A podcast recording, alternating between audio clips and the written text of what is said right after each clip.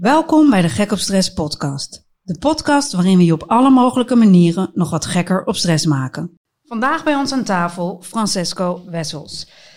Ja, je was jarenlang uh, de coach van alle bondscoaches bij NOC-NSF. Uh, wat jou kenmerkt is eigenlijk de high-performance omgeving waar jij in werkt. En je houdt je met name bezig met het effect van gedrag binnen relaties en prestaties. En met name wanneer mensen onder druk staan. Heb ik dat goed gezegd? Het is de mooiste samenvatting die ik ooit gehoord heb over wat ik eigenlijk doe met mijn leven. ja, prima. Nou, graag, gedaan. Uh, wij gaan het vandaag met jou over gedrag hebben. Uh, Gek op Stress podcast gaat natuurlijk over stress. Dat uh, om stressmanagement te kunnen doen heb je een component gedrag en een component systeem. Vandaag gaan we met jou inzoomen op gedrag. En ik wilde eigenlijk beginnen, of we wilden beginnen met een anekdote van Barack Obama. Zo'n filmpje helemaal mooi van viral gegaan. Uh, en dan zegt hij: Just learn how to get things done. Hè, we kunnen heel goed problemen omschrijven en uitleggen wat er allemaal misgaat. Uh, maar wat je eigenlijk nodig hebt, is iemand die zegt: Let me take care of that. Hoe activeer je nou dat soort gedrag? Ja, dat filmpje van Barack Obama, ja, dat hebben natuurlijk veel mensen gezien. Ja, wat hij nou eigenlijk zegt, dus wat interessant is, is waar, waar komt het nou vandaan wat hij zegt? Wat zegt hij nou eigenlijk? Yo, uh, we praten te veel en doen te weinig. Ja. ja. Of zeggen we, uh, ja, praten is ook wel weer veilig. En uh, wat heb je ervoor nodig om iets te gaan doen? Ontbreekt het dan een lef, moed, inzicht? Welke gedragingen horen daarbij? Dus de grondslag van die opmerking, ja, iedereen loopt er warm voor, omdat je, ja, je kunt erover praten. Maar uiteindelijk als je resultaten wil hebben, moet je toch gewoon dingetjes gaan doen. Het verschil wordt gemaakt als de handjes gaan wapperen, zeggen ze wel eens. Dus, ja. Uh, ja. ja. dat snap ik wel. Maar dat is, um, kijk, uiteindelijk is dat in gedrag, zou je kunnen zeggen, is een samensmelting van vier componenten. Overigens iets waar ik bij Defensie nu, uh, waar we druk op inzoomen op die vier componenten, omdat we echt zien dat het daar uh, ja, veel mee te doen is. Ja, je zit nu bij Defensie, ja, hebben we nog niet genoemd. Maar vertel, de vier gedragscomponenten. Nou, ik weet niet of het vier gedragscomponenten zijn. We benoemen het een beetje als vier elementen die invloed hebben op het leiderschap. En dat sluit een beetje aan op Obama, hè, want daar probeer ik op te reageren en de relatie te leggen ook met, uh, met wat je zegt als het gaat over stress. Kijk, als je ziet uh, welke situatie je ook pakt, als er dingen gedaan moeten worden, dan komen er vier dingen bij elkaar. Eén, dat, dat ben je zelf, de ik. Twee is, dat zijn de we, de mensen waarmee je het doen, de groep. Uh, en daar spelen allerlei componenten in. Bij ik zou je kunnen zeggen, ben ik competent om de situatie aan te gaan? Voel ik me competent? Dus daar zie je al je ik-gedragingen. In de we-vorm zou je kunnen zeggen, is de groep competent? Wat zijn de groepcompetenties? Wat is de sfeer? Hoe kijken mensen naar de uitdaging? Is er honger? Dus daar zie je al gedragcomponenten. En tegelijkertijd wordt het aangevuld met de doelstelling. Wat, wat gaan we eigenlijk bereiken? En hoe belangrijk is dat? En, hoe, en dat is anders als het water door de voordeur stroomt en we moeten elkaar gaan helpen en de druk is hoog. Is het wat anders dan dat het een, uh, een, een, een doelstelling of een ambitie is die ja, minder groot is. Dus je moet een groep aan, aan het werk krijgen, maar ook de individu. Nee, is, als laatste nog even die vierde elementen oh, ja, pakken. Dat is de, de context, de omgeving waarin het gebeurt. Kijk, dus iedereen heeft een beeld bij dat als het heel hard regent of het, uh, het is droog, en dat is een hele makkelijke context, maar een Olympische finale lopen in een stadion van 80.000 man en een miljoen mensen, een miljard mensen kijken live op tv mee, doet ook wat. Dus die vier elementen nog even samenvatten. Dat ben ik, dat zijn wij, we samen. Uh, dat is de context en het doel. En daarom, daartussen gebeurt wat. Nou, nu terug naar die vraag van Obama. Ja, dan moeten mensen handen gaan wapperen. Dat moet dus in de in, in de samensmelting van die vier elementen gebeuren.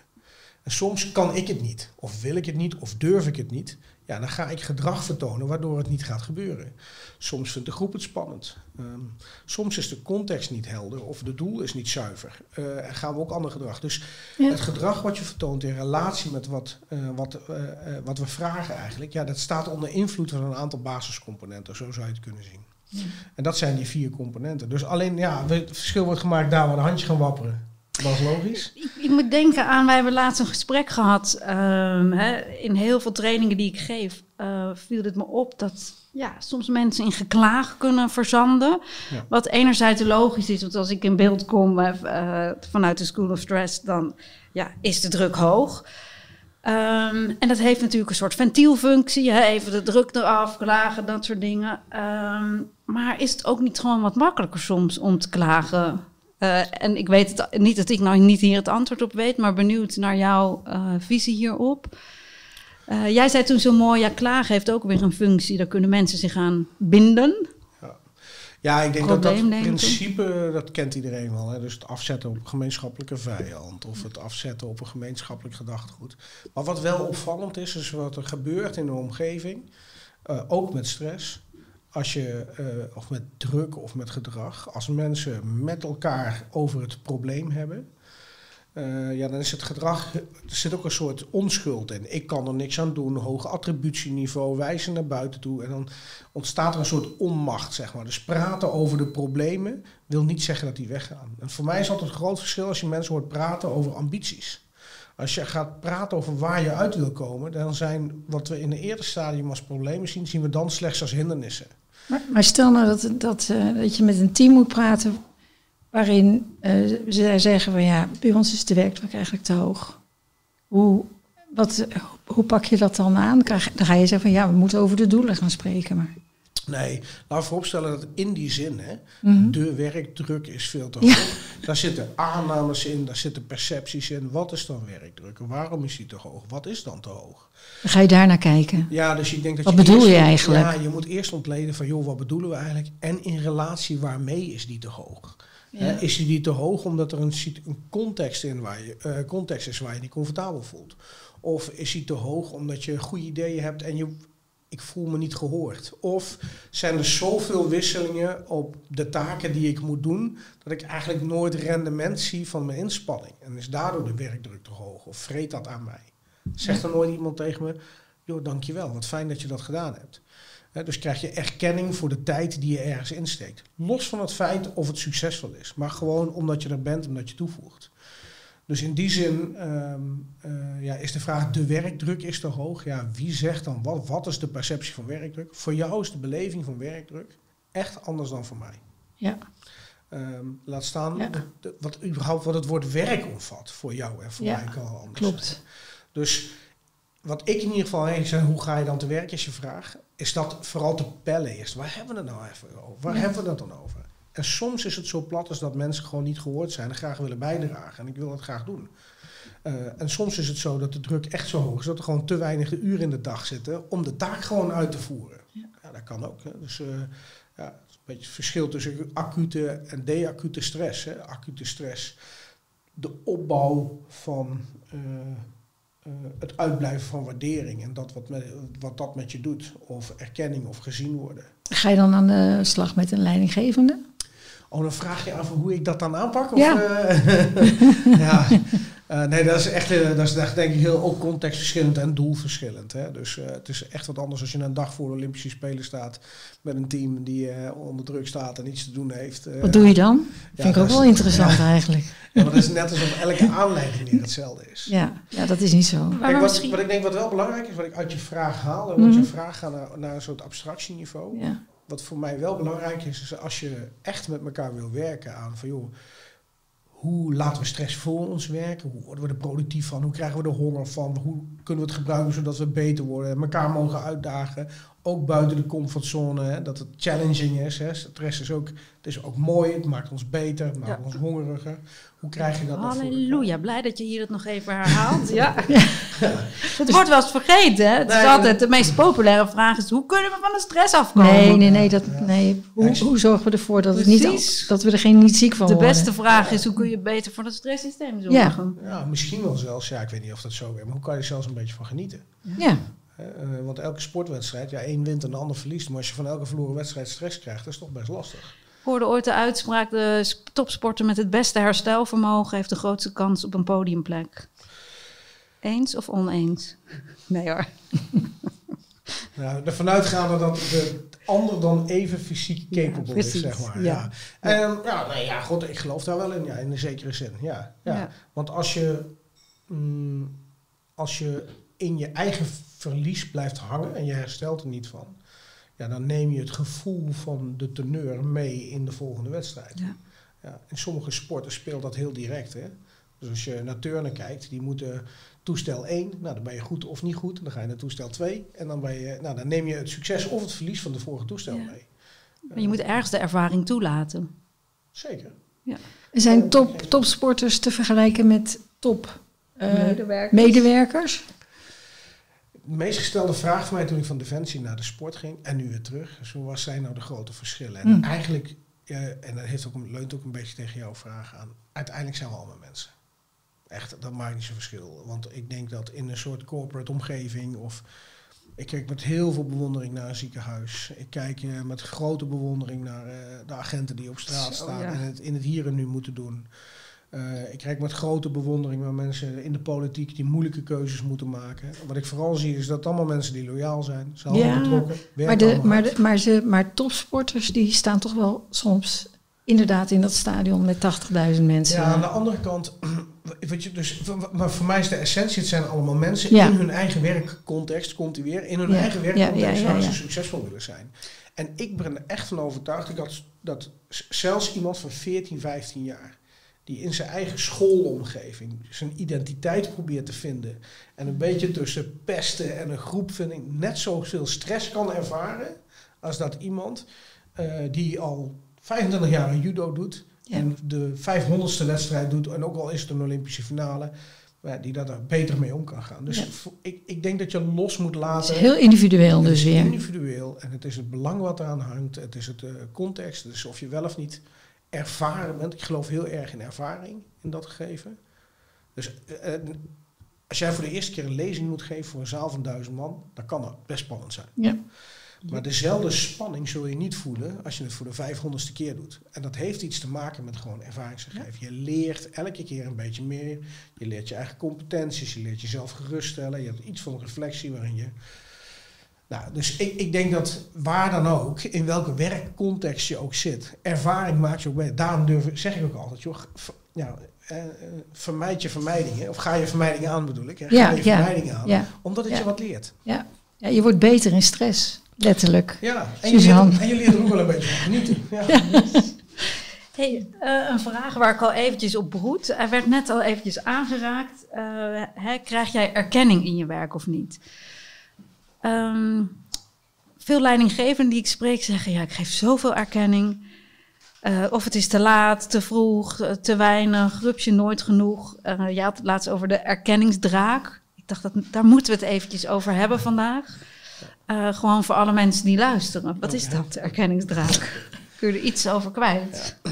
Als, er, ja, als, er, als er eenmaal een soort idee is dat je te weinig erkenning krijgt en je gaat op zoek naar de erkenning, want dat is de uitgangspositie, dan krijg je het eigenlijk moeilijk gevoed. Want dan is het of te laat, want je bent al naar op zoek, of het is niet groot genoeg, of het was niet oprecht genoeg. Dus het is heel moeilijk als de, als de draak erkenning voorbij vliegt om goed te voeden, zeg maar soms is het, toch is het heel belangrijk om mensen te erkennen, maar vooral om mensen te zien. En erkenning is niet, als iemand zegt, ja, het goed gedaan, daarmee erken je niet alleen dat hij wat hij goed gedaan, maar de inspanning en de tijd die hij erin heeft zitten, die wordt als waardevol gezien. Dat is volgens mij waar erkenning over gaat. Ja. Uh, maar erkenning, ja, als dat vorm in de vorm van een transactie is, uh, waarin uh, beloond moet worden of geld moet, weet je, wat een boekenbon. Een boekenbon, ja. ja. Dus, maar ja, dat moet wel in orde zijn, alleen dat is normaal. Uh, ja, nou, ik denk wat vooral, ja, dat klinkt dan heel vaag in één keer, maar een beetje lief zijn voor elkaar is normaal. Gewoon onze normale fatsoens- en omgangsvormen. Ja. Als je die goed doet, ja. is dat de grootste erkenning. De grootste erkenning van een baas, als je het al nog in deze tijd over bazen praat, hè, maar de grootste erkenning die je aan elkaar kan geven is tijd. Elke minuut in je leven heb je maar één keer te besteden. Eén keer. Die van net, die is alweer weg. Dat is doodzonde, maar die hebben we volgens mij goed besteed. Wij besteden met elkaar, ja. En dat is de truc. Hè? Dus, je, dus als jij als baas of als leidinggevende tijd geeft in jouw drukke agenda aan een ander. hey, hoe is het met je? Hoe is dat gegaan? Neem eens mee wat je van de week gedaan hebt. Zou je nog een tip? Is, heb je iets gezien waar je me over zou willen informeren? Maar tijd geven aan een ander om een kwalitatief gesprek te voeren is de meest waardevolle erkenning die je kan geven. Die overstijgt alles. Vanuit de wetenschap dat die minuut die we net samen hebben doorgebracht, we nooit meer terugkrijgen. Ja. En het is ons beide verantwoordelijkheid om dat goed in te vullen. Je hebt ook in die minuten tijd om te luisteren, hè? als uh, leidinggevende naar je medewerker. Die, uh, Dat is ook, hè, dus niet om te spuien, zo van, uh, kan ik eindelijk eens even zeggen wat ik allemaal vind. Ja. Maar je kan ook naar je medewerker luisteren, dat is ook zo belangrijk. Ja, nieuwsgierigheid zie ik een beetje als een grondslag van, van beter worden. Ja. Hoe reflecteer je nou op je eigen gedrag? Hè? Dus jij bent die leidinggevende en je vraagt je af, geef ik nou genoeg erkenning? Doe ik dat nou allemaal goed? Of Uh, überhaupt doe ik het goede? Wat is de manier om daarop te reflecteren? Ja. Welke vragen stel je dan tenminste aan jezelf? Ja, het, zal, het zal heel mooi. Dat gaat vanuit het principe dat je bereid bent vragen aan jezelf te stellen. Joh, uh, wat zou ik anders en of beter kunnen doen? Uh, dat, is, dat is al een heel belangrijk uh, principe. Want ik zou het gunnen dat iedereen af en toe in de spiegel kijkt en zegt: joh, wat ik nou doe, werkt dat eigenlijk wel? Werkt dat voor mijzelf bijvoorbeeld? is deze omgeving, voel ik me senang? Is het ethisch, klopt het wat ik aan het doen ben? Is het oké voor mij? Dus dat zijn al startvragen voor jezelf. En dan is op welke wijze kan je waarde toevoegen? Wat is daarvoor nodig? En doe ik dat eigenlijk wel? En heb ik het beeld dat wat ik toevoeg, wordt het ook zo ontvangen? Dat zijn hele mooie reflectieve vragen, denk ik, die je kan stellen. En aan jezelf en uit je omgeving. De, de lering is dat mensen die dat hebben, die weten eigenlijk heel goed wat ze toevoegen. Ja. Die weten ook vaak feilloos op te noemen dat ze bijvoorbeeld te weinig tijd besteden aan, hun andere, aan de mensen die ze eigenlijk meer tijd zouden willen geven. Ik moet meteen denken aan die mensen die dan zeggen van ja, ik zit eigenlijk gevangen in het systeem, in mijn omgeving, in mijn werk. Ik weet niet hoe ik eruit moet komen. Ja. Dus die hebben misschien wel wat reflectie, maar die hebben geen oplossingen. Ja.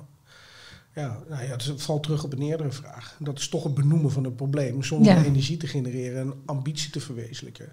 Dat is in die zin uh, wat ik nu ga zeggen, dat, dat zullen mensen die mij herkennen, die zullen dit weten, dat ik er echt zo in sta. dat heeft ook iets gewoon met mijn militaire verleden te maken. Ik geloof echt dat als je in Nederland geboren bent of woont, dat je bij de gelukkigste 0,001% van de wereld hoort. Mhm. Alleen al omdat je s'avonds kan kiezen tussen twaalf verschillende soorten haalslag in de supermarkt. Ja. Wij hebben keuzevrijheid ja. en keuzeveiligheid en dat is best groot.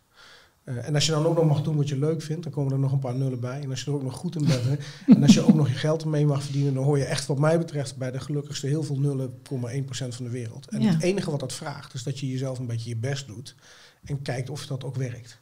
Daar mag je best een reflectieve vraag stellen. Wat ik doe, werkt dat? Is het oké? Is het goed om te doen? Um, dus vanuit dat gedachtegoed denk ik, ja, laten we dat maar eens eerst doen. Je redeneert vanuit rijkdom. Ja, ja omdat, omdat, en dat is belangrijk, omdat alleen vanuit schaarste, en kan ook zijn schaarste in het zien van het perspectief, ja. vanuit schaarste je vaak de discussie voert over uh, die, die, dat probleem. Hè? Of, of de ene oplossing die je er ziet. Ik moet blijven werken, anders krijg ik geen inkomen. Terwijl iedereen die gestopt is met zijn baan, eigenlijk, ja, en natuurlijk kun je voorbeelden aan de randen vinden dat het niet gaat. Maar het leeuwendeel vindt gewoon een baan, zou veel eerder mee te moeten doen.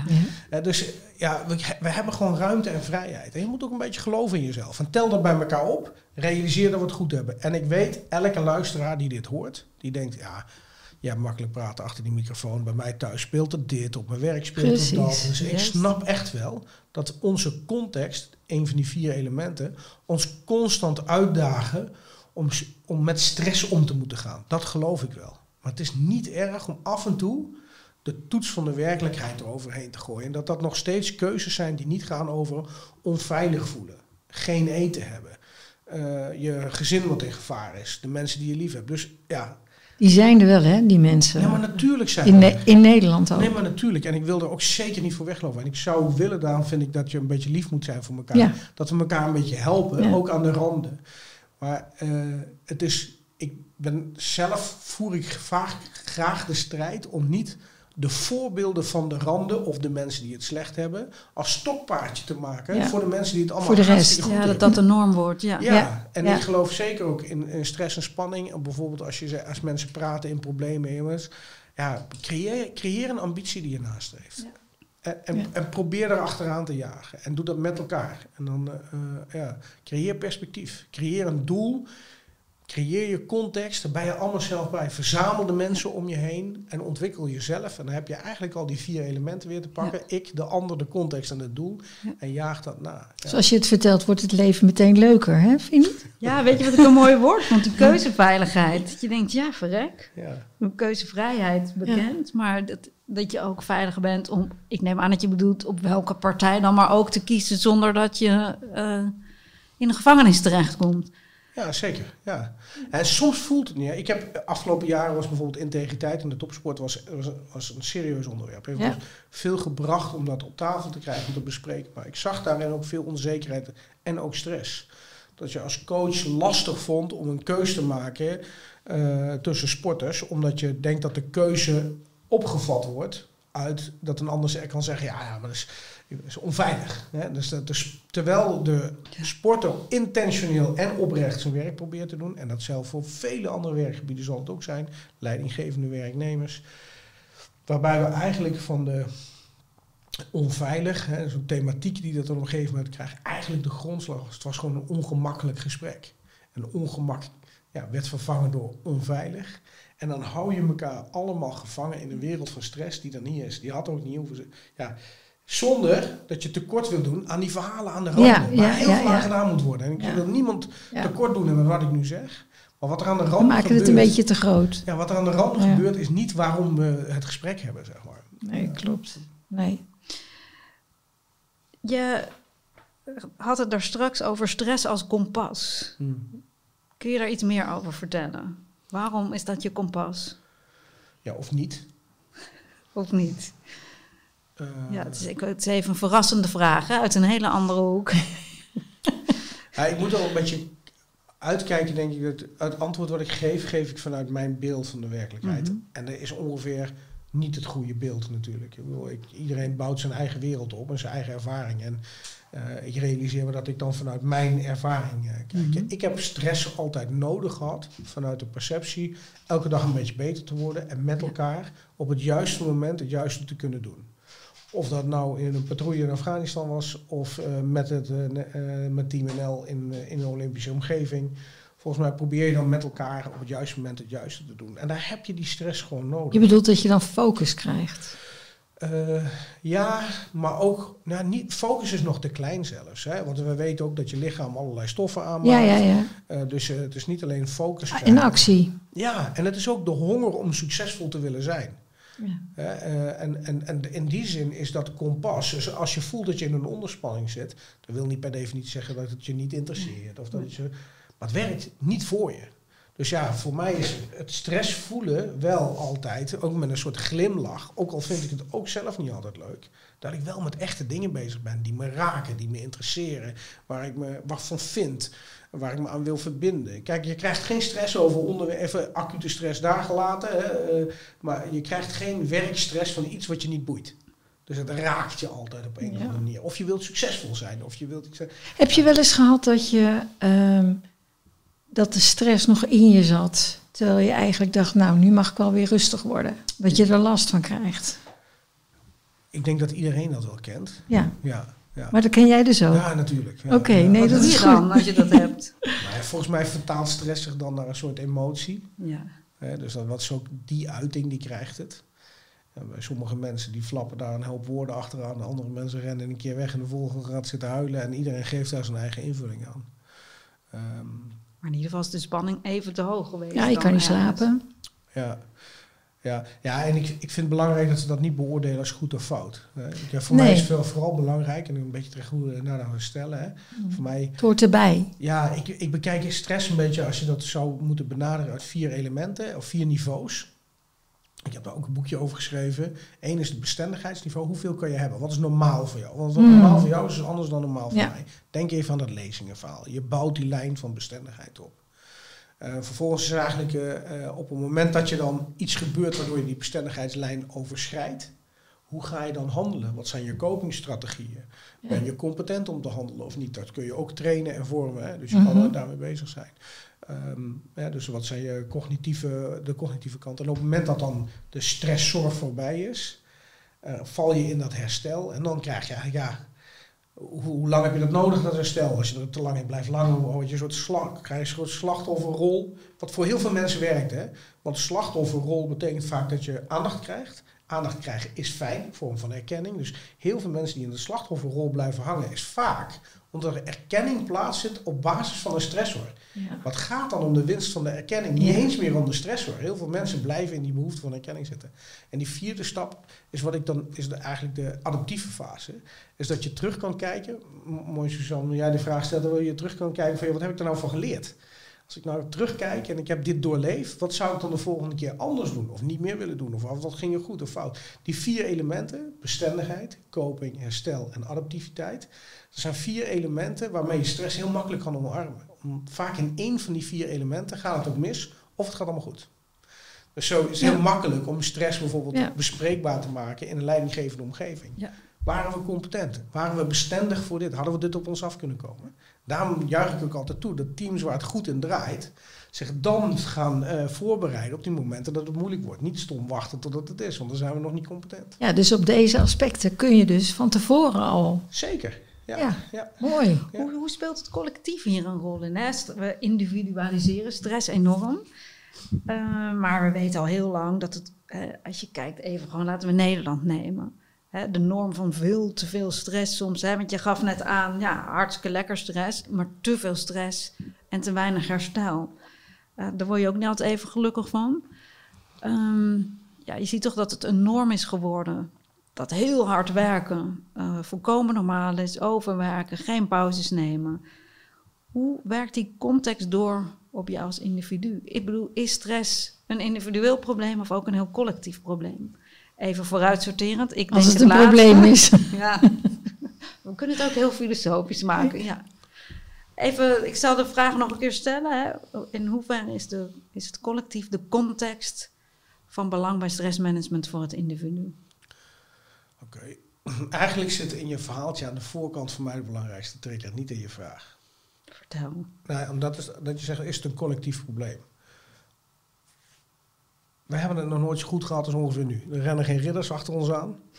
Uh, die je land veroveren. Er werden, je hoeft niet om zes uur op te ja, staan. het ziekteverzuim loopt ja, op turf te steken, zeg maar. En toch loopt het server. Dus, uh, en ik denk dat het onder andere komt omdat we ongelooflijk veel keuzes moeten maken. We moeten echt heel veel keuzes. Wat mensen van ons vinden, hoeveel werk, hoeveel baantjes. En of je dan naar de sport en de kinderen dat. Dus je hebt zoveel dingen te doen. Uh, Always on, never off. Dat is het. En ik denk dat daar. Ja, ik weet niet of we dat collectieve stress, maar we doen het onszelf aan. Hè? Dus ja, de ander doet het ook. En de ander is onze meetlat vaak. Mm, ja, je laat de ander je meetlat zijn. Mm -hmm. dus, gezegd, ja. Ja, nee, maar volgens mij zit daar het antwoord van je vraag. Ja. Het antwoord zit in je vraag is bij je voldoende onafhankelijke denken om te zeggen, joh, wat een ander doet, het werkt voor een ander, maar voor mij werkt dat niet. Ik ga het anders doen. En als je daar los van kan komen, dan ontlast je jezelf van een enorme stressor. En dat is namelijk wat, ander, wat, je vindt, wat anderen van je vinden. Hmm. En dat is echt wel ongeveer de grootste die onze keuzes beïnvloedt ook. Het is oké, okay, weet je, doe je ding. En doe het op jouw manier. En het is echt oké. En dat betekent niet voor elke... Want als je als werknemer verantwoordelijkheden aangaat bij een werkgever... dan ga je verantwoordelijkheden aan. Ook dat is een keus. Ja. Daar moet je niet over klagen. Heb je de bereidheid om de consequenties dan te aanvaarden? En we vergissen ons vaak dat meepraten en mee beslissen... gaan in één, dat gaat in één keer door elkaar heen lopen. Want elke werknemer denkt dat hij ook een mee beetje weten, mee denken, mee beslissen, ja. ja.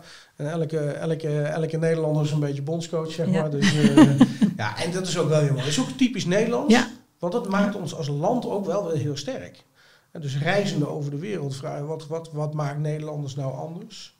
Nou, dat is misschien wel omdat de afstand tussen de leraar en de leerling en de politieagent en de burger en de dokter en de patiënt en de coach en de sporter en uh, de leidinggevende en de werknemer, dat die vrij vlak is. En dat we elkaar mogen uitdagen van, joh, klopt het wel wat hier gebeurt? Is het nog oké wat we hier doen?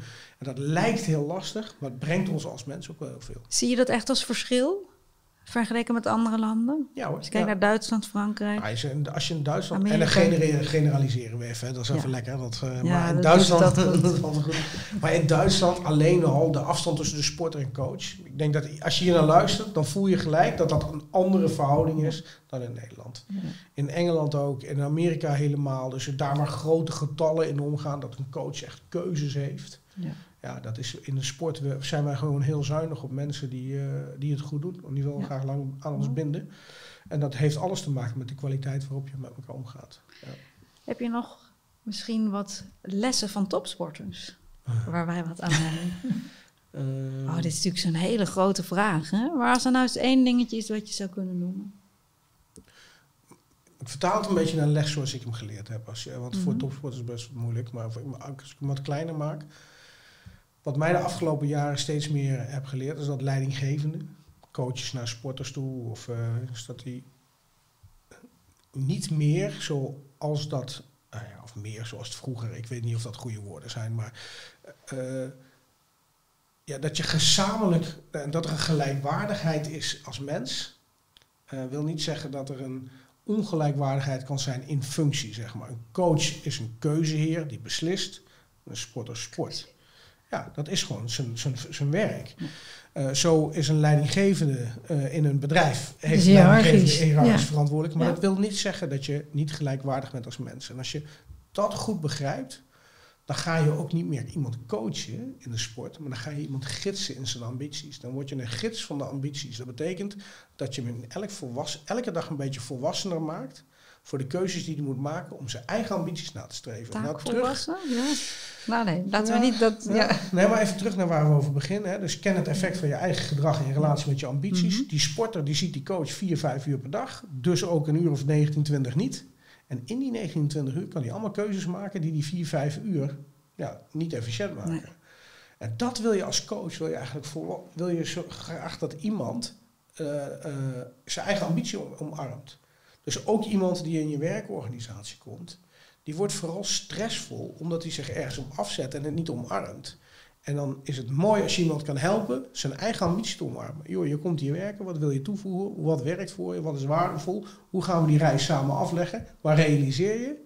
Ik moet soms keuzes maken en jij moet soms dat doen. En zo ga je samen. Maar hoe kom je, je hebt het een paar keer gezegd al, uh, hè, verbind je aan de ambitie. Ja. Um, ik denk dat heel veel mensen helemaal niet weten, maar er is een aanname misschien die heel onterecht is, waar die echt werkelijk geen idee hebben wat hun ambitie is. Maar, maar dan hebben we toch de belangrijkste les nu uh, boven ja. gehaald. Gaan we met elkaar het gesprek aan.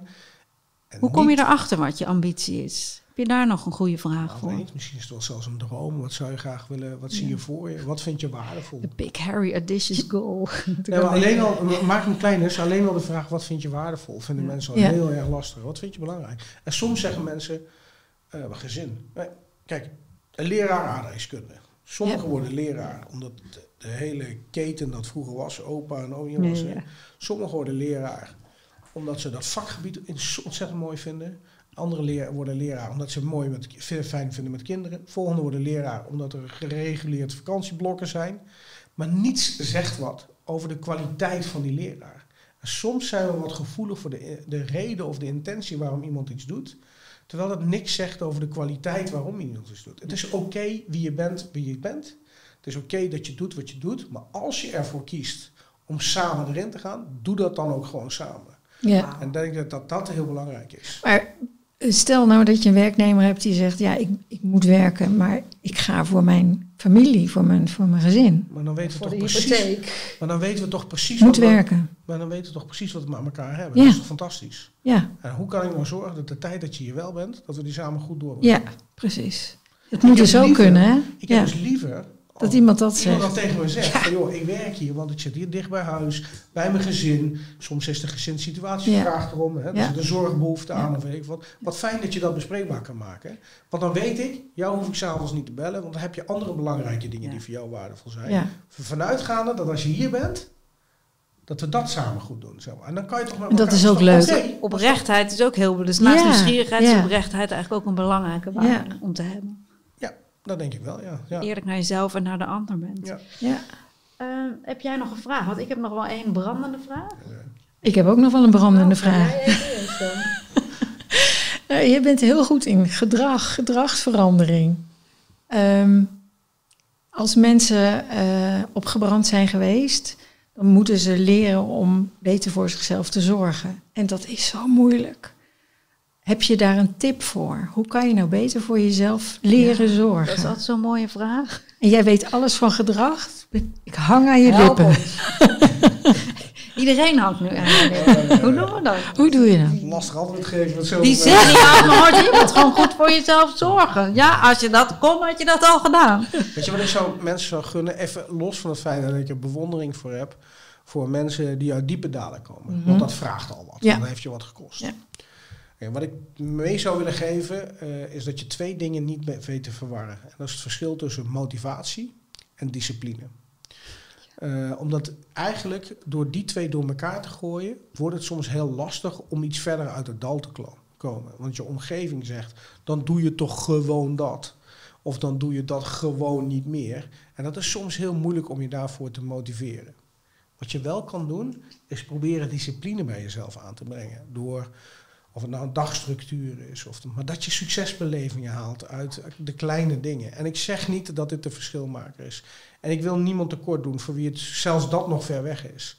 Nee, maar, motivatie en discipline zijn twee verschillende dingen. En als je niet gemotiveerd bent of je weet niet hoe je jezelf moet motiveren, vind dan de route van discipline. Probeer jezelf uit te dagen. Al is het maar eerst één ding per dag die je met succes kan afronden. Dat je kan zeggen, dat heb ik gedaan. En morgen heb ik het weer gedaan. En ik heb het ook gedaan toen niemand het controleerde en niemand keek. Want discipline is dat wat je doet als niemand kijkt. Ja, ja. En dan doe je nog een keer, doe je nog een keer. En als je daarna doe je de twee en de drie en doe je de zeven per week. En dan langzaam bouw je ook dat vertrouwen op en dan krijg je controle over wat je doet. Niet over de as van motivatie. Die genereer je uit de as van discipline. Nou, daar ben je ziek van geworden als je burn-out. Eventjes even dit afmaken, want dit is dus voor de mensen die eraan toe zijn. Hè? Dus die uit het dal zijn geklommen en moeten leren om beter voor zichzelf te zorgen. Zodat ze niet opnieuw naar beneden donderen. Ja, en ik ben geen zorg. Ik ben hier geen. Eh, ik ben. Ik weet wel dingen van gedrag, maar ik ben geen zorgspecialist. Nee, nee, ik heb wel gezien ook dat mensen die die in een dalende lijn zitten, ook over de as van discipline een anker kunnen vinden. Ja. En kunnen zeggen, joh, ik, ik, ga s ochtends om acht uur, dan ga ik naar de vijver, dan ga ik de eentjes voeren. En of je dat nou wel of niet leuk vindt, maar dat je ritme vindt. En dat je controle krijgt over je eigen handelen. En dat je daarmee een beetje leert genieten van de dingen die je ziet. Ja. Heel waardevol. Ja. Dankjewel. Ja, en mooi die discipline. Ja, heel en mooi. iedere dag een beetje beter. Uh, en hoe ga je dan om met die ene dag dat het even net niet lukt? Dat hele in, het was maar een mini stapje. Je dacht, dit kleine stapje kan ik wel. En toch is het je niet gelukt. Ja. ja, wat is dat niet erg toch? Ja, ja. ja dat zeg jij, hè? maar er zijn natuurlijk veel mensen die dan een soort mes in hun eigen hart steken. Zie je wel. helemaal onderuit halen. Zie je wel, dat kan ik niet. Welke tekst ga je dan tegen jezelf er, zijn, er, er zitten twee uitersten aan. En je moet niet dan de startpositie voor iedereen gelden. Kijk, discipline aankleren of jezelf gedisciplineerd maken is ook een route van weerstand overwinnen in jezelf. Mhm. Dus als je het een keer niet doet, dan wil het niet zeggen dat je voor de trein moet springen. Maar het wil wel zeggen dat dat de moeilijke momenten zijn waarop je jezelf juist moet uitdagen. Alleen, uh, kijk, als je, als je het bij ze spreken zes van de zeven dagen wel lukt, dan is het zes dagen wel gelukt en één dag niet. Dan gaan we volgende week gaan we proberen zeven dagen te laten lukken. Dus volgens mij ligt ambitie is ook een groeimodel. En dat is het groeimodel van elke dag een beetje meer. Je moet, kijk, mensen die zeggen, ah, ik ga ritme in mijn leven pakken. En die pakken een A4'tje. Ik ga iedere dag sporten of ja, iedere dag gezond eten. Die pakken een A4'tje en die zeggen, nou, zes uur sta ik op. Dan ga ik vijf kilometer wandelen. En dan ga ik dit doen en dit doen. En dan halverwege de dag gaat het altijd ergens mis. Het gaat altijd ergens mis. Waardoor dat hele plan eigenlijk voor een gevoel in duigen ligt. En dat is zonde. Dus, dus het is ook een groeifactor. Ja, zeker. Je, uh, maar goed, de essentie, want anders lijkt het over discipline te gaan mijn antwoord op jouw vraag is, hè, wat, zou je mensen, wat zou ik dan van tip hebben? Ik zou mensen gunnen om te zien dat waar motivatie niet werkt, begin dan gewoon eens met discipline. Ja. En discipline leidt altijd naar succesbeleving. Succesbeleving leidt altijd naar motivatie. En dat zijn dus heel kleine stapjes. En daar zit ook teleurstelling in. Maar teleurstelling hoort ook een beetje bij de bouw van discipline. Want als het dan weer wel lukt, is het succes nog zoeter. Ja, discipline, het leger, dat gaat ook wel samen. Hè? Dus... Heb je toch een prachtig filmpje van die uh, legerofficier, ik weet niet precies, die dan zegt: uh, Je moet gewoon iedere ochtend je bed opmaken. En dan kom je thuis en heb je een shitty dag gehad. maar en tenminste. Je in een opgemaakt bed.